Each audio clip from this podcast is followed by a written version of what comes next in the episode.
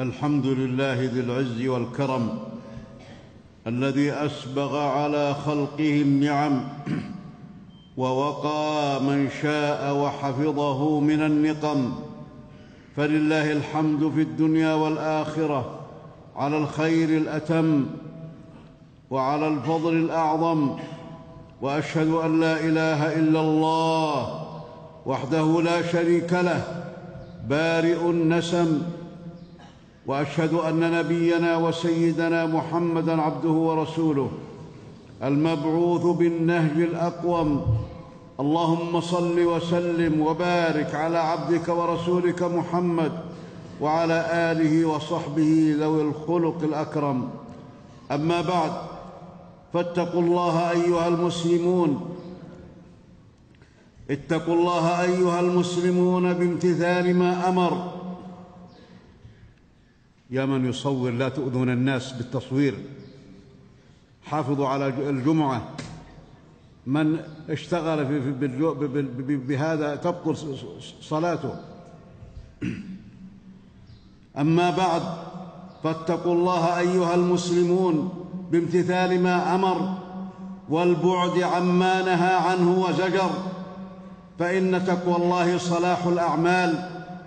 وحسن المنقلب والمآل.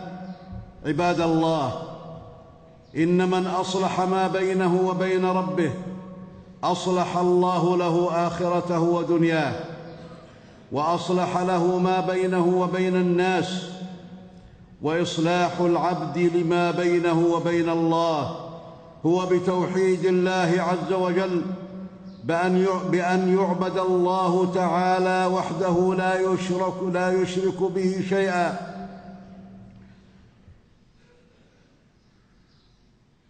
وإصلاح العبد لما بينه وبين الله هو بتوحيد الله تبارك وتعالى بأن يعبد ربه وحده لا شريك له بدعائه ورجائه والتوكل عليه وخوفه ومحبته وتعظيمه والاستعانة به وطاعته والإيمان بأسمائه وصفاته والثناء على الله بها وإقام الصلاة وإيتاء الزكاة وصيام رمضان وحج بيت الله الحرام وبر الوالدين وصلة الأرحام والأمر بالمعروف والنهي عن المنكر وترك ما نهى الله عنه من المحرمات والموبقات إلى غير ذلك مما أمر الله به أو نهى عنه مع التمسك بالسنة والإخلاص لله في كل عمل.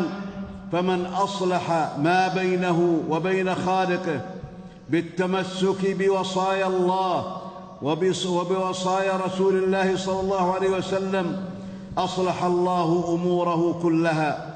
وأحسن له العاقبة في آخرته. قال الله تعالى يا بني آدم إما يأتينكم رسل منكم يقصون عليكم آياتي فمن اتقى وأصلح فلا خوف عليهم ولا هم يحزنون. أي لا خوف عليهم في مستقبل أمرهم ولا هم يحزنون على ما مضى من شأنهم. وقال الله تعالى وما نرسل المرسلين إلا مبشرين ومنذرين فمن آمن وأصلح فلا خوف عليهم ولا هم يحزنون. وقال تبارك وتعالى إن الذين قالوا ربنا الله ثم استقاموا تتنزل عليهم الملائكة ألا تخافوا ولا تحزنوا وأبشروا بالجنة التي كنتم توعدون.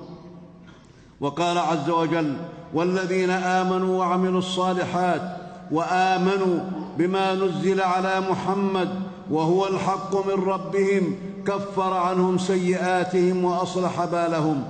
وإصلاح الناس ما بينهم وإصلاح الناس ما بينهم وبين ربهم بالعمل الصالح. يصلح الله به الأمور ويحفظ الله به الأمة من الشرور. قال الله تعالى ما يفعل الله بعذابكم إن شكرتم وآمنتم وكان الله شاكرا عليما. وقال تعالى وما كان ربك ليهلك القرى بظلم وأهلها مصلحون. وقال تعالى والذين يمسكون بالكتاب وأقاموا الصلاة إنا لا نضيع أجر المصلحين. وفي الحديث لا تزال طائفة من أمتي على الحق ظاهرين لا يضرهم من خذلهم. ولا من خالفهم حتى يأتي أمر الله تعالى. عباد الله عباد الله إن ربكم تبارك وتعالى أجل وأكرم وأوفى من أن يتخلى عن عبده ويضيعه إذا صدق معه وخاف. إذا صدق معه وخاف من اتباع هوى النفس. وعمل بما يحب ربه من الطاعات فرائضها ونوافلها وجانب المحرمات. فمن فمن كان لربه على ما يحب الرب كان الله له على ما يحب. فمن كان لربه على ما يحب الرب كان الله له على ما يحب. قال الله تعالى وأوفوا بعهدي اوف بعهدكم وإياي فارهبون. وقال تعالى ومن أوفى بعهده من الله. وقال تبارك وتعالى ولينصرن الله من ينصره. إن الله لقوي عزيز. الذين إن مكناهم في الأرض أقاموا الصلاة وآتوا الزكاة وأمروا بالمعروف ونهوا عن المنكر. ولله عاقبة الأمور. وأحسنوا. وأحسن أحوال العبد أن يتولى الله تعالى أموره كلها ويحفظه في دينه ودنياه ويسدده ويوفقه في أقواله وأفعاله وعاقبة أمره. ولا ينال ولا ينال ما عند الله إلا بطاعته. وهل وهل شقي بطاعة الله أحد؟ أو هل سعد بمعصية الله أحد؟ عن أنس رضي الله عنه عن النبي صلى الله عليه وسلم عن أنس رضي الله عنه عن النبي صلى الله عليه وسلم عن جبريل عليه الصلاة والسلام عن ربه تبارك وتعالى قال من من أهان لي وليا فقد بارزني بالمحاربة وما ترددت عن شيء أنا فاعله. ما ترددت في قبض نفس عبدي المؤمن. وما ترددت في شيء أنا فاعله ما ترددت في قبض نفس عبدي المؤمن يكره الموت وأكره مساءته ولا بد له منه. وإن من عباد وإن من عباد المؤمنين من يريد بابا من العبادة فأكفه عنه لا يدخله عجب فيفسده ذلك. وما تقرب إلي عبدي بمثل أداء ما افترضته عليه ولا يزال عبدي يتنفل إلي حتى أحبه ومن أحببته كنت له سمعا وبصرا ويدا ومؤيدا. دعاني فأجبته وسألني فأعطيته ونصح لي فنصحت له. وإن من عبادي من لا يصلح إيمانه إلا الغنى ولو أفقرته لأفسده ذلك. وإن من عبادي من لا يصلح إيمانه إلا الفقر وإن بسطت له أفسده ذلك. وإن من عبادي من لا يصلح إيمانه إلا الصحة ولو أسقمته لأفسده ذلك. وإن من عبادي من لا يصلح إيمانه إلا السقم ولو أصححته لأفسده ذلك. إني أدبر عبادي بعلمي بما في قلوبهم. إني عليم خبير. رواه الطبراني. ولهذا الحديث شاهد في صحيح البخاري من حديث أبي هريرة رضي الله عنه في بعض ألفاظه. وعن عائشة رضي الله عنها قالت سمعت رسول الله صلى الله عليه وسلم يقول من التمس رضا الله بسخط بسخط الناس؟ من التمس رضا الله بسخط الناس كفاه مؤونة الناس؟ ومن التمس رضا الناس بسخط الله وكله الله إلى الناس؟ رواه الترمذي. عباد الله عباد الله إن من أعظم العبادات وأجمعها للخير الدعاء فالدعاء ينزل الله به الخيرات. ويدفع الله به البلاء والشرور والمكروهات. قال الله تعالى وقال ربكم ادعوني أستجب لكم. إن الذين يستكبرون عن عبادتي سيدخلون جهنم داخرين. وفي الحديث ما من مسلم يدعو الله تعالى إلا آتاه الله مسألته أو أعطاه مثلها أو ادخرها له في الآخرة. أو صرف عنه من السوء مثل دعوته. قالوا يا رسول الله إذا نكثر. قال الله أكثر. والدعاء والدعاء مضطر إليه كل أحد. قال الله تعالى يسأله من في السماوات والأرض كل يوم هو في شأن. قال عمر بن الخطاب رضي الله عنه إني لا أحمل هم الإجابة ولكن أحمل هم الدعاء. فإذا ألهمت الدعاء كانت الإجابة معه فالدعاء يصلح الله به الأمور ويدفع الله به الشرور. بسم الله الرحمن الرحيم. يا أيها الذين آمنوا اتقوا الله وقولوا قولا سديدا يصلح لكم أعمالكم ويغفر لكم ذنوبكم. ومن يطع الله ورسوله فقد فاز فوزا عظيما. بارك الله لي ولكم في القرآن العظيم. ونفعني وإياكم بما فيه من الآيات والذكر الحكيم ونفعنا بهدي سيد المرسلين وقوله القويم.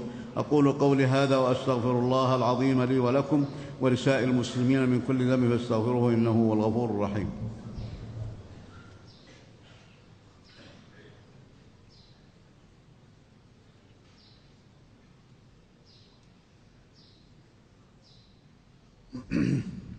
الحمد لله رب العالمين الملك الحق المبين وأشهد أن لا إله إلا الله وحده لا شريك له القوي المتين.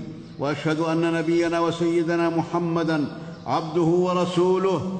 اللهم صل وسلم وبارك على عبدك ورسولك محمد وعلى آله وصحبه أجمعين.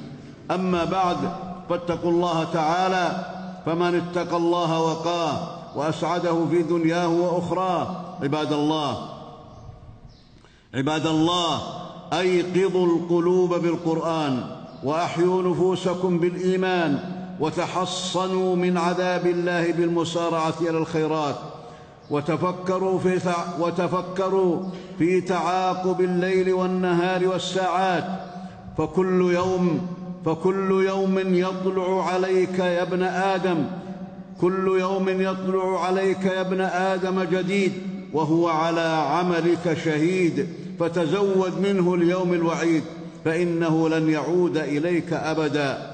وكن وكن ملازما للاعتبار منتفعا بالادكار فقد هلك الغافلون وخسر المرتابون. قال الله تعالى وهو الذي جعل الليل والنهار خلفة لمن أراد أن يذكر أو أراد شكورا وقال تعالى يقلب الله الليل والنهار إن في ذلك لعبرة لأولي الأبصار وقال تعالى استجيبوا لربكم استجيبوا لربكم من قبل أن يأتي يوم لا مرد له من الله ما لكم من ملجأ يومئذ وما لكم من نكير.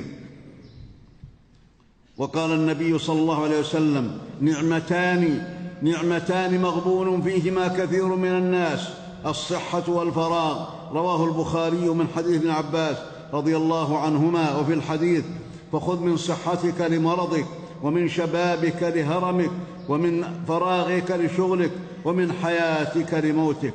ولا تحقرن أيها المسلم من الأعمال الصالحات شيئا ولا تحقرن من السيئات شيئا فالرب ليس بغافل. وما يعمل الإنسان من عمل فهو مكتوب عليه.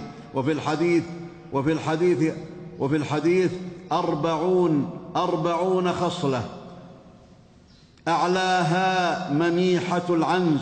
من عمل بواحدة منهن دخل الجنة. رواه البخاري في صحيحه.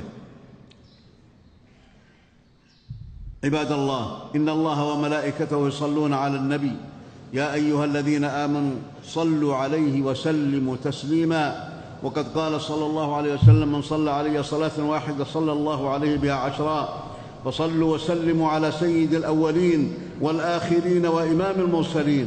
اللهم صل على محمد وعلى آل محمد كما صليت على إبراهيم وعلى آل إبراهيم إنك حميد مجيد. اللهم بارك على محمد وعلى آل محمد كما باركت على إبراهيم وعلى آل إبراهيم إنك حميد مجيد. وسلم تسليما كثيرا. اللهم وارض عن الصحابة أجمعين وعن الخلفاء الراشدين الأئمة المهديين أبي بكر وعمر وعثمان وعلي وعن سائر الصحابة أجمعين وعن التابعين ومن تبعهم بإحسان إلى يوم الدين. اللهم وارض عنا معهم بمنك وكرمك ورحمتك يا أرحم الراحمين. اللهم اشرح صدورنا ويسر أمورنا. اللهم انصر دينك وكتابك وسنة نبيك محمد صلى الله عليه وسلم. يا ذا الجلال والإكرام. اللهم اغفر لنا ذنوبنا. اللهم اغفر لنا ما قدمنا وما أخرنا وما أسررنا وما أعلنا وما أنت أعلم به منا. أنت المقدم وأنت المؤخر. لا إله إلا أنت. اللهم أحسن عاقبتنا في الأمور كلها وأجرنا من خزي الدنيا وعذاب الآخرة. اللهم إنا نعوذ بك من زوال نعمتك وفجاءة نقمتك وتحول عافيتك وجميع سخطك يا رب العالمين. اللهم إنا نعوذ بك من سوء القضاء ومن شماتة الأعداء ومن درك الشقاء ومن جهد البلاء. اللهم إنا نسألك الجنة وما قرب إليها من قول أو عمل ونعوذ بك من النار وما قرب إليها من قول أو عمل. برحمتك يا أرحم الراحمين. اللهم اغفر لموتانا اللهم اغفر لموتانا وموتى المسلمين اللهم اغفر لموتانا وموتى المسلمين اللهم ضاعف حسناتهم وتجاوز عن سيئاتهم. يا ذا الجلال والإكرام. اللهم أصلح أحوالنا وأحوال المسلمين يا رب العالمين.